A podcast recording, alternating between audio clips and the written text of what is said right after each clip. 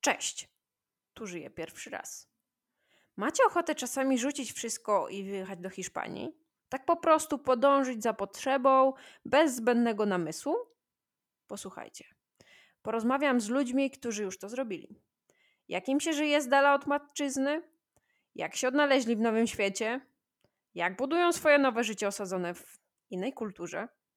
I skąd się w ogóle u nich wzięła ta potrzeba, żeby zrobić taki transfer życiowy? Zapraszam Was dzisiaj w podróż z Polski do Hiszpanii, taką na dłużej i z różnymi przygodami. Poznacie małżeństwo, które miało odwagę rzucić korpo i zbudować swoje życie na nowo.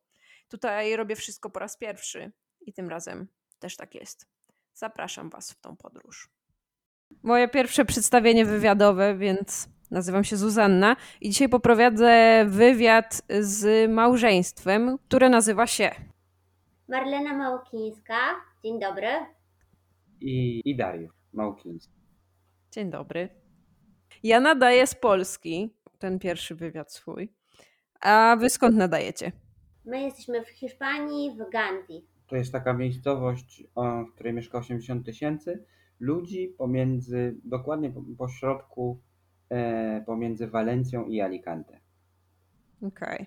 A jak się stało, że, że wy się tam znaleźliście? No bo ja jestem waszą córką, co wyjdzie, i mieszkam w Polsce i jesteśmy Polakami, a wy jesteście teraz w Hiszpanii. Jak to się stało?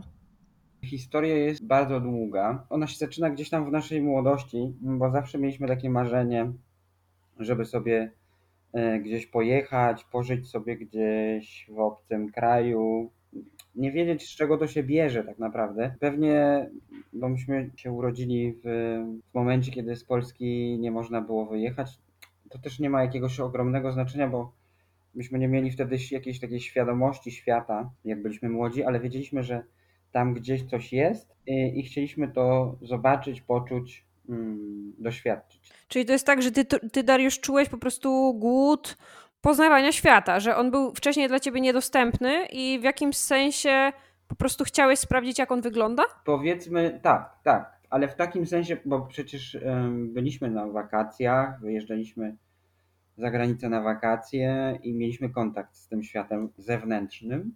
Natomiast on, e, ten świat zewnętrzny, nigdy nie był, nie doświadczaliśmy go w taki sposób wymarzony przeze mnie. A ty, Marlena, jak miałaś? Ja miałam tak, że zanim się e, wybraliśmy do Hiszpanii, już chciałam mieszkać w Hiszpanii. E, I kompletnie nie wiedzieć czemu uważałam, mhm. że to jest miejsce moje na ziemi.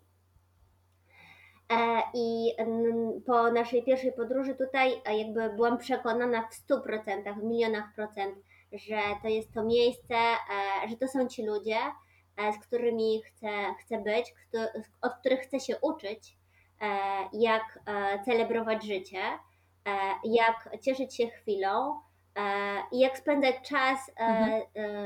z ludźmi, którzy są dla mnie ważni. I, i to, to jest takie, takie miejsce, którego bym nie zamieniła na inne. I ten proces faktycznie trwał bardzo długo i on jakby w nas kiełkował. Do tego momentu przygotowywaliśmy, kilka razy go przekładaliśmy aż uznaliśmy, że e, nastąpił ten czas, kiedy możemy to zrobić e, i namawialiśmy Ciebie również, e, pamiętasz również pewnie to, tak. że chcieliśmy, żeby, żebyśmy wybrali się wszyscy i nawet uczyliśmy się wszyscy hiszpańskiego mhm. we trójkę. Już w Polsce. Tak, jeszcze w Polsce. Potem z naszymi znajomymi przed wyjazdem, ale plan był taki, że wyjedziemy we trójkę. Życie to troszkę zmodyfikowało, każdym bądź razie ja jakby jestem super szczęśliwa, że tu jestem i, jest to miejsce moje wymarzone i zawsze chcieliśmy sprawdzić, jak to jest żyć e, w innym kraju. E, I e, chcieliśmy bardzo poznać kulturę i chcieliśmy mhm. bardzo poznać ludzi i, chcie, i chcieliśmy się nauczyć języka, który jest dla nas po prostu jakąś kopalnią też wiedzy mhm. o nas samych, też jak uczymy się nowego języka, to poznajemy nasz język, ten pierwszy, pierwszy lepiej, bo stajemy się bardziej świadomi używania tego języka, co śmieszne, bo to się dzieje właśnie jak się uczysz kolejnego języka. Więc jest po prostu. I musisz go używać tak realnie. Tak, dokładnie. Więc e, jest to naprawdę takie dla nas odkrywanie nowego świata i odkrywanie nas samych e, dzięki temu, że jesteśmy w nowym miejscu. Okej. Ja słyszę, że i dla ciebie, Dariusz, i dla ciebie, Marlena, to był taki proces i słyszę duży głód zmiany, chęci poznania świata i, i jakby zdobycia wiedzy o tym świecie. A jak to się stało, że zorganizowaliście tą przeprowadzkę i to się już wydarzyło? No bo wiemy już, jakie są korzenie i że one sięgają takiego okresu młodzieńczego waszego, tej chęci zmiany i poznawania, ale no musiał się stać konkret. Jak się stał ten konkret, Dariusz? Sobie bardzo prosto. Sprzedajesz wszystko, co masz e, w Warszawie, bo jesteśmy z Warszawy. Wsiadasz w samochód i jedziesz do nowego miejsca. Wcześniej mm, troszkę się przygotowaliśmy do tego, żeby tutaj było gdzie mm, przyjechać, czyli sobie wypatrzyliśmy jakieś mieszkanie z trudem. Znaleźliśmy jakieś e, mieszkanie, Mhm. które uznaliśmy, że będzie dobre na początek. Wsiedliśmy i pojechaliśmy. A dobre na początek to jakie?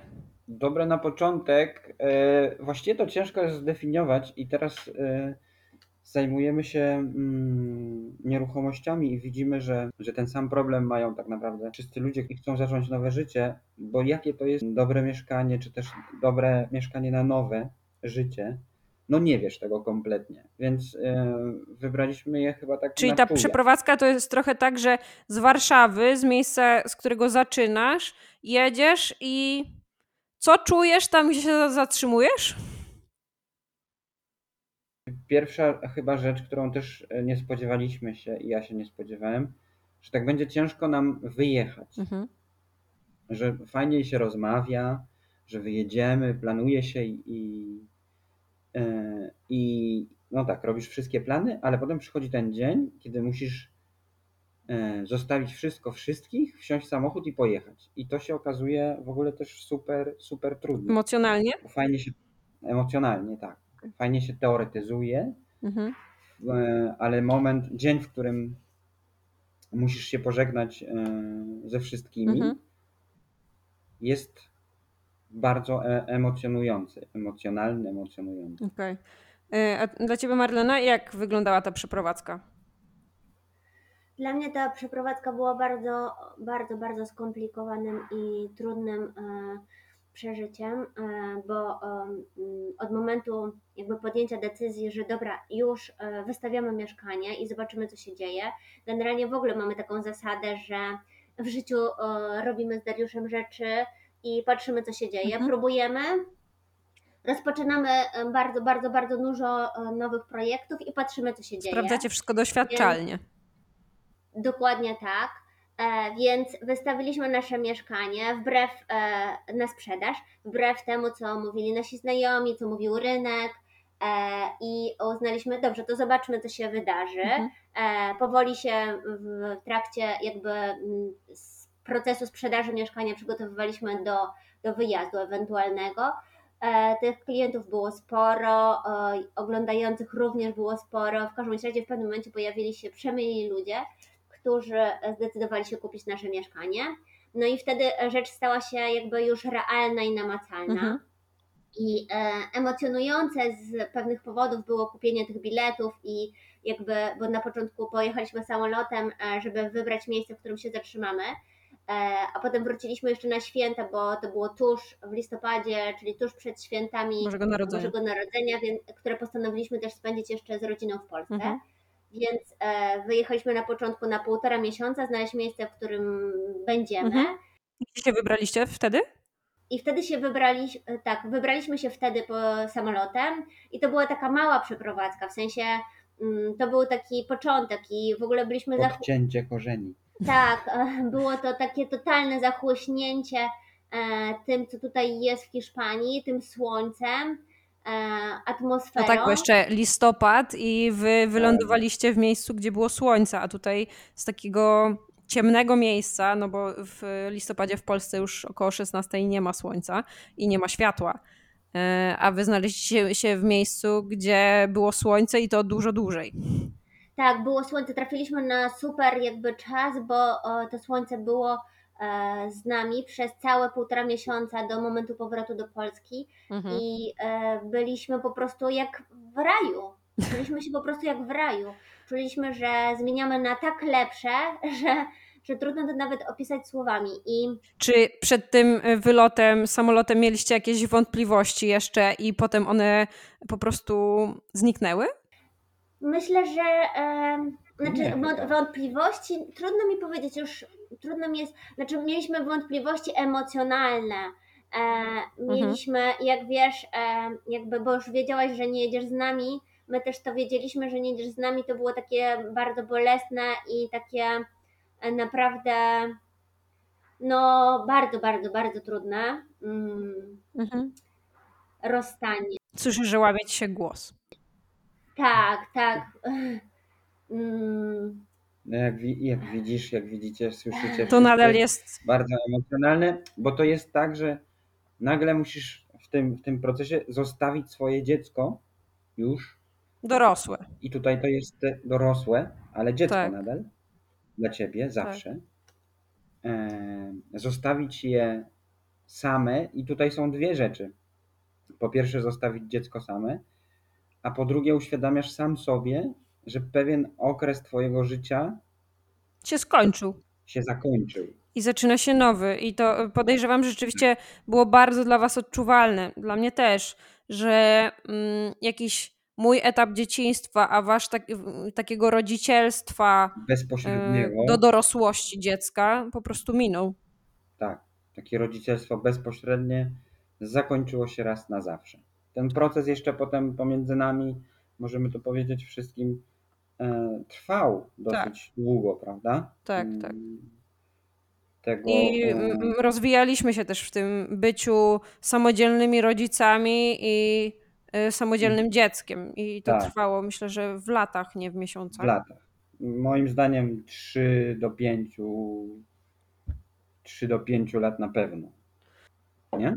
No, czyli ta przeprowadzka emocjonalna była dużo dłuższa niż ta fizyczna. tak. Tak, ta fizyczna jest w sumie prosta, jak, jak, jak, tak jak powiedziałem. Sprzedajesz, pakujesz, wsiadasz, wyjeżdżasz, jesteś tutaj, koniec.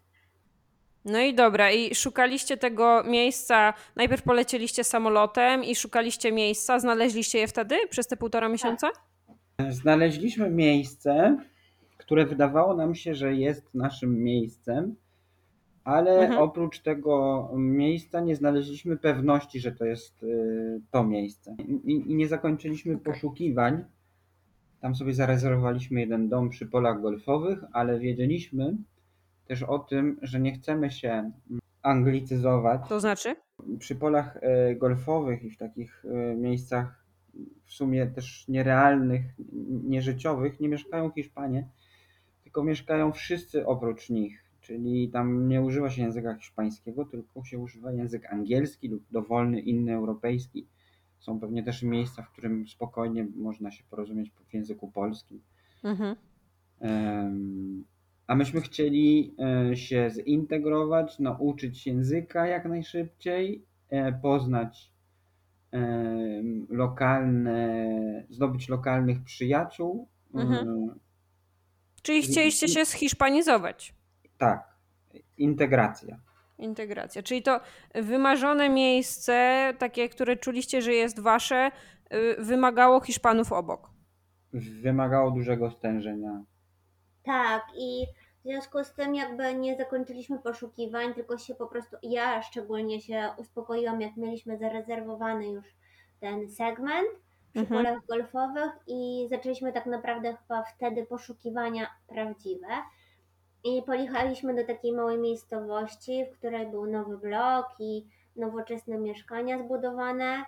I weszliśmy tam do tego budynku i e, spotkaliśmy sąsiadów, którzy nas powitali i Mhm. wydali nam się być super mili. Lub przynajmniej nam się wydawało, że nas powitali, bo wtedy znajomość na, Nasza zwyczajów hiszpańskich była języka. nikła. W każdym razie e, uznaliśmy, że nas powitali, że wyglądali na super sympatycznych i też poznaliśmy e, panią, e, panią agentkę, która Mhm. była super fajna i bardzo z naszego świata. A była E, Polką czy Hiszpanką? Była Była Hiszpanką e, i była kompletnie jakby zakręcona, Mhm. delikatnie rzecz biorąc, w sensie mm, Czyli to było coś, czego szukaliście w charakterze Hiszpana, Hiszpanki, yy, że trafiliście na taką agentkę, która była odpowiednio hiszpańska dla was. E, ja wiem, Tak myślę, nam się wydawało. nawet nie wiem, czy ona była odpowiednio hiszpańska, my chyba tego nie, jakby nie byliśmy świadomi, czy to jest hiszpańskie, czy nie. Myślę, że to po prostu było bardziej nasze, w Aha. takim sensie, że my e, nie jesteśmy osobami, jesteśmy mm, jakby mm, posiadamy jakieś instynkty e, kreatywne i fantazyjne i, i w związku z tym myślę, że taka Mhm. osoba, e, która e, wydała nam się być podobna do nas, po prostu została przez nas za- zaakceptowana.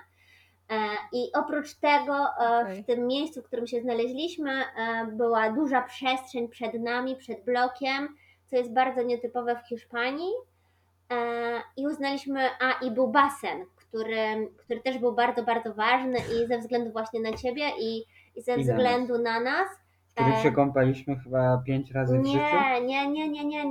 A, Pięć razy w życiu, ale e, ba- basen w bloku, w którym kąpaliśmy się pięć razy w życiu, ale on spowodował, że to mieszkanie e, wyglądało jak raj. E, To znaczy, ten basen w bloku nie był tak ważny jak ten basen przed blokiem. Basen E, miejski, czy Basen wiejski. miejski, który miał 25 metrów i wyglądał absolutnie super, bo był otoczony górami Palmami. i a, palmami. Jest to basen otwarty.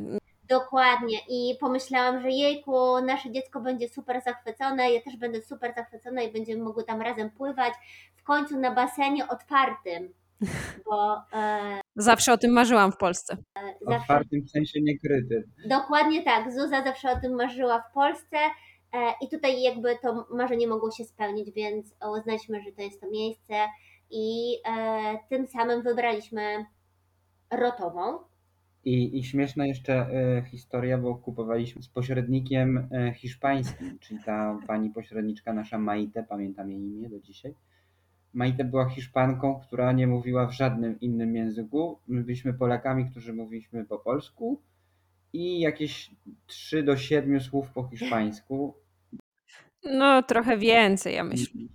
Trochę więcej, no tam 47 może byśmy wszystkich nazbierali. I pamiętam i jak dziś, że jak do niej dzwoniliśmy, bo musieliśmy się komunikować przez telefon, to oczywiste. Był to taki wydatek energetyczny, że musimy spać dwie godziny po telefonie, żeby się zregenerować. Aktywność podczas kupowania mieszkania dla ciebie e, była taka, że mm, wykonywałeś telefon i potem resztę dnia spałeś. Dokładnie tak. Potem jak kupiliśmy to mieszkanie, okazało się też pierwszy problem, mm, tam nie było zakontraktowanej wody i, i, i prądu, trzeba było podłączyć liczniki do prądu i wody. Z prądem poszło gładko, z tego co pamiętam, natomiast z wodą brakowało kawałek rurki. W Polsce mm, problem do rozwiązania w jakieś 3 minuty Do pięciu. do 5. Tutaj e, wytłumaczenie mm, hydraulikowi i pani w wodociągach. Najpierw pani w wodociągach musiała wytłumaczyć nam, e, czego brakuje, a potem myśmy musieli zatrudnić hydraulika, który to zrobi. Brakowało 3 cm rurki. Mniej więcej. I jak to się potoczyło? Jakiś tydzień mm, translatorów, e, podróży, płaczy, błagania i tylko dzięki temu, że wszyscy są pozytywnie nastawieni, udało się to zrobić, bo to, to jakiś to cud. To jest trochę tak, że wy mm, rzuciliście się na głęboką wodę i kupowaliście z hiszpańskimi agentami, nie znając do końca hiszpańskiego, i teraz sprzedajecie nieruchomości, żeby Polacy, którzy przyjeżdżają do Hiszpanii, chcą zrobić taki transfer życiowy jak wy, nie musieli już doświadczać tych trudów. Tak, myślę, że e, o to chodzi, żeby nie czuli się tak zagubieni, jak my się wtedy czuliśmy. Oczywiście my to jakby przeżyliśmy na własną prośbę, na skutek e, własnych decyzji i e, w związku z tym udźwignęliśmy to bez żadnego problemu i dzisiaj się z tego śmiejemy.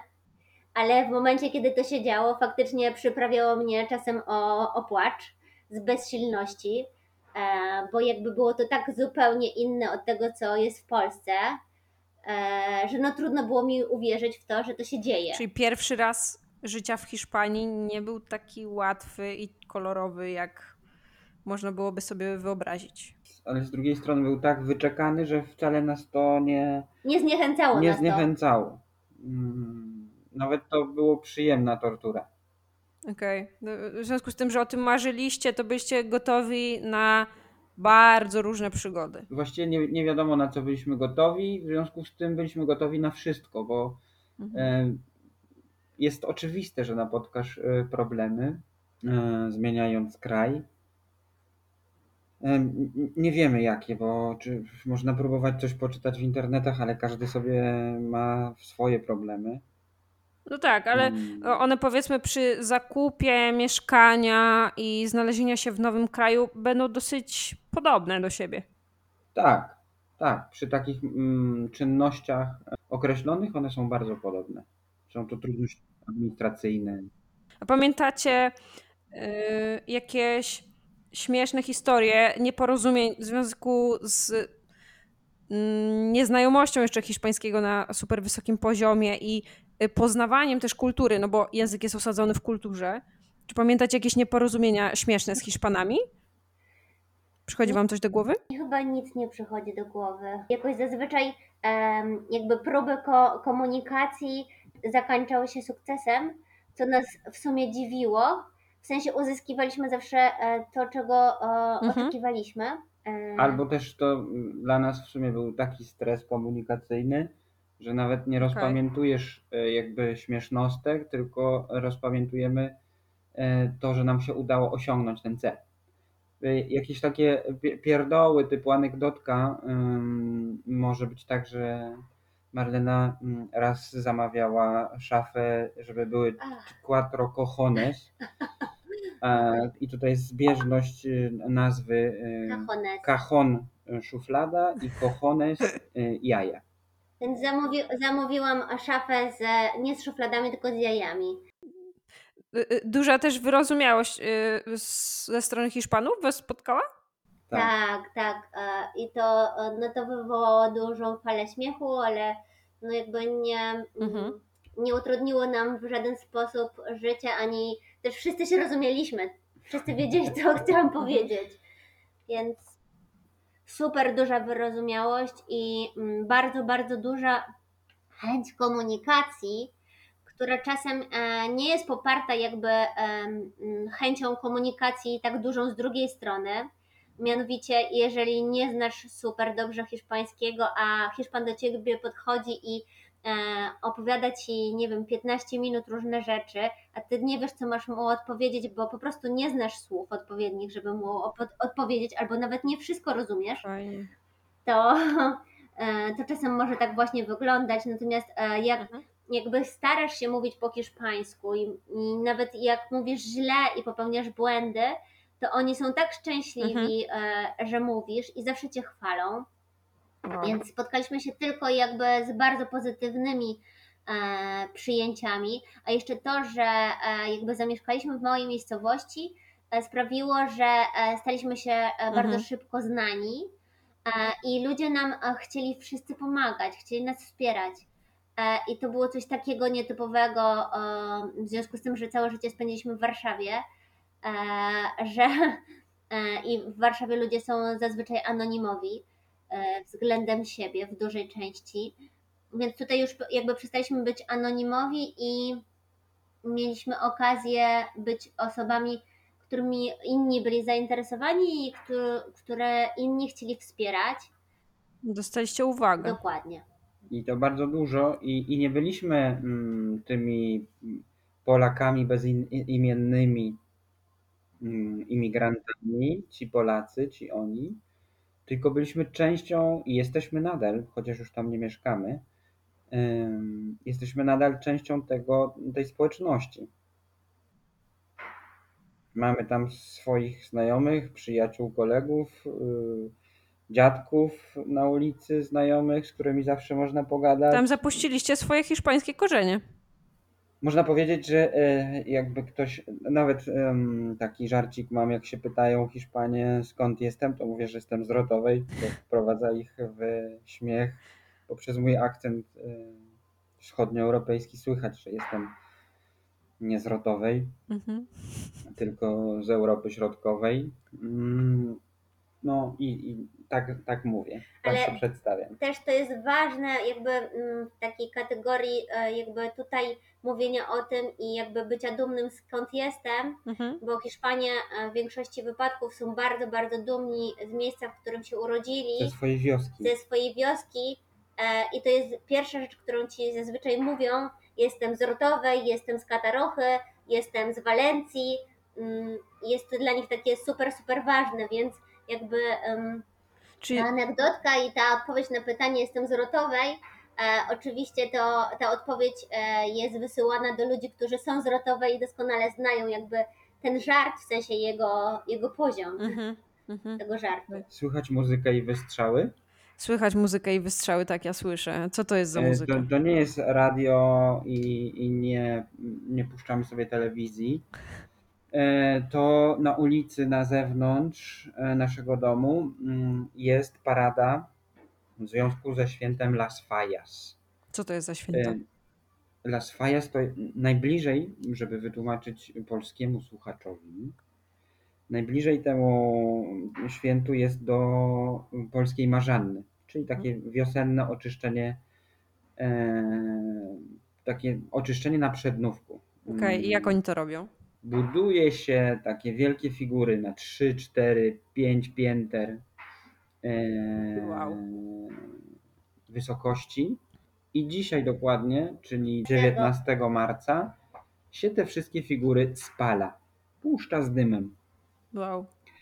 A przez cały tydzień wcześniej e, w takich tradycyjnych strojach polecam w internecie zobaczenie e, fryzury i garniturów i, i, i, i sukienek e, tych pięknych pań, które paradują.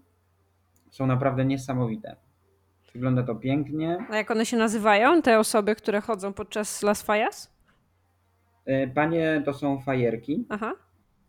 e, a panowie to nie mam nawet pojęcia, czy mają Właśnie jakąś... się zastanawialiśmy wczoraj, czy, pa, czy skoro panie to są fajerki, to panowie to są fajerzy, Mhm. e, ale e, nie odnaleźliśmy odpowiedzi na to pytanie. No to możemy założyć, że tak jest. Tak jest. I ta, jeszcze do tego wybiera się najpiękniejszą fajerkę, Aha. która podpala e, największy, e, Największą faję, czyli tą figurę, największą figurę w mieście. która tradycyjnie i wcześniej, wcześniej historycznie miała powstawać z resztek e, warsztatu e, Boże, Stolarskiego. stolarskiego. Aha. A teraz nawet e, mm, wiemy, że w Walencji jest technikum, które przygotowuje do tego, żeby takie figury mm, budować. Jest taki Niesamowite. A to jest, zawód. to jest całej Hiszpanii? Nie, to jest tylko Comunidad Valenciana. Walencja i okolice. Dobra, bo dużo powiedzieliśmy o języku, dużo powiedzieliśmy o tym, jaki to był ciężar emocjonalny przeprowadzki, a nie powiedzieliśmy o tym, skąd wzięliście zasoby finansowe, żeby się przeprowadzić. Marlena. No, głównym naszym zasobem finansowym była, była sprzedaż naszego mieszkania Okej. w Warszawie. I y, jesteś w stanie powiedzieć, jakie to były zasoby mniej więcej? To wtedy było około 300 paru tysięcy złotych. Aha. E, Warto zwrócić uwagę, że przeprowadzaliśmy się w okresie 2015, kiedy ceny w Hiszpanii były niższe, bo jeszcze Hiszpania wychodziła z kryzysu, który miał miejsce Okej. w 2007-2008 roku E, i było bardzo, bardzo dużo jeszcze mieszkań pobankowych, które Mhm. e, miały atrakcyjne ceny. I my z takiej Okej. atrakcyjnej ceny skorzystaliśmy, więc te pieniądze nam wystarczyły na zakup tego mieszkania e, w nowym budynku pobankowym małej miejscowości, oddalonej od plaży o Mhm. 10 km, 12 km. Okej, a mm, od razu zaczęliście pracować, jak się przeprowadziliście i kupiliście mieszkanie? I tak i nie, dlatego że mieliśmy zasoby, y, te, o których powiedziała Marlena. Mieliśmy, ja jestem grafikiem i fotografem Mhm. z zawodu, więc mieliśmy troszkę jeszcze po pierwsze odłożonych pieniędzy i po drugie zabezpieczonych kontraktów zleceń powiedzmy na pół roku, czy też przypuszczaliśmy, że pół roku te zlecenia będą się pojawiały, potem ich intensywność będzie spadała. Okej. Nie pomyliliśmy się w ogóle w tych obliczeniach, więc to nam pozwoliło zarobić trochę grosza. Mhm. I pierwszy rok, czy nawet dwa, skupiliśmy się na, głównie na nauce języka i no, praca też, ale nie, nie była ona naszym głównym, Zajęciem. tak, nie, nie, nie stanowiła centrum życia. Okej, a mm, bo Dariusz powiedział, czym się zajmował w Warszawie tutaj, a ty Marlena, czym się zajmowałaś? Ja byłam copywriterem, Okej. więc jakby mieliśmy zasoby wspólne, Aha. w sensie e, możliwości e, podejmowania projektów, realizowania projektów razem z Dariuszem. Kreatywnych jakichś. Tak, i takowe realizowaliśmy faktycznie przez jakieś pół roku, a potem zaczęły nam się Mhm. klarować e, inne możliwości, które moglibyśmy e, wykorzystać w okolicy i e, zaproponowaliśmy naszemu znajomemu inwestorowi i deweloperowi w Warszawie zakup budynku, który był obok nas. I to już koniec tej części wywiadu. Czy im się udało? Czy ta inwestycja stała się prawdą, czy nie? Dowiecie się w drugim odcinku. Zapraszam.